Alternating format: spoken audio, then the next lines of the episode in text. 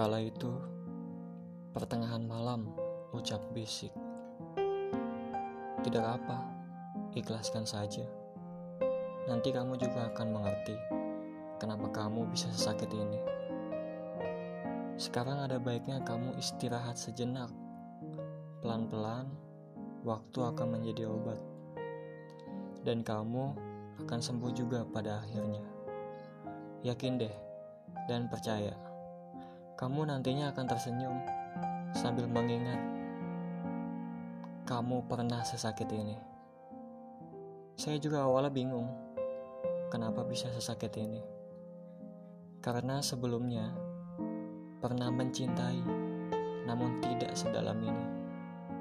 Pernah ditinggalkan namun tidak pernah sejauh ini.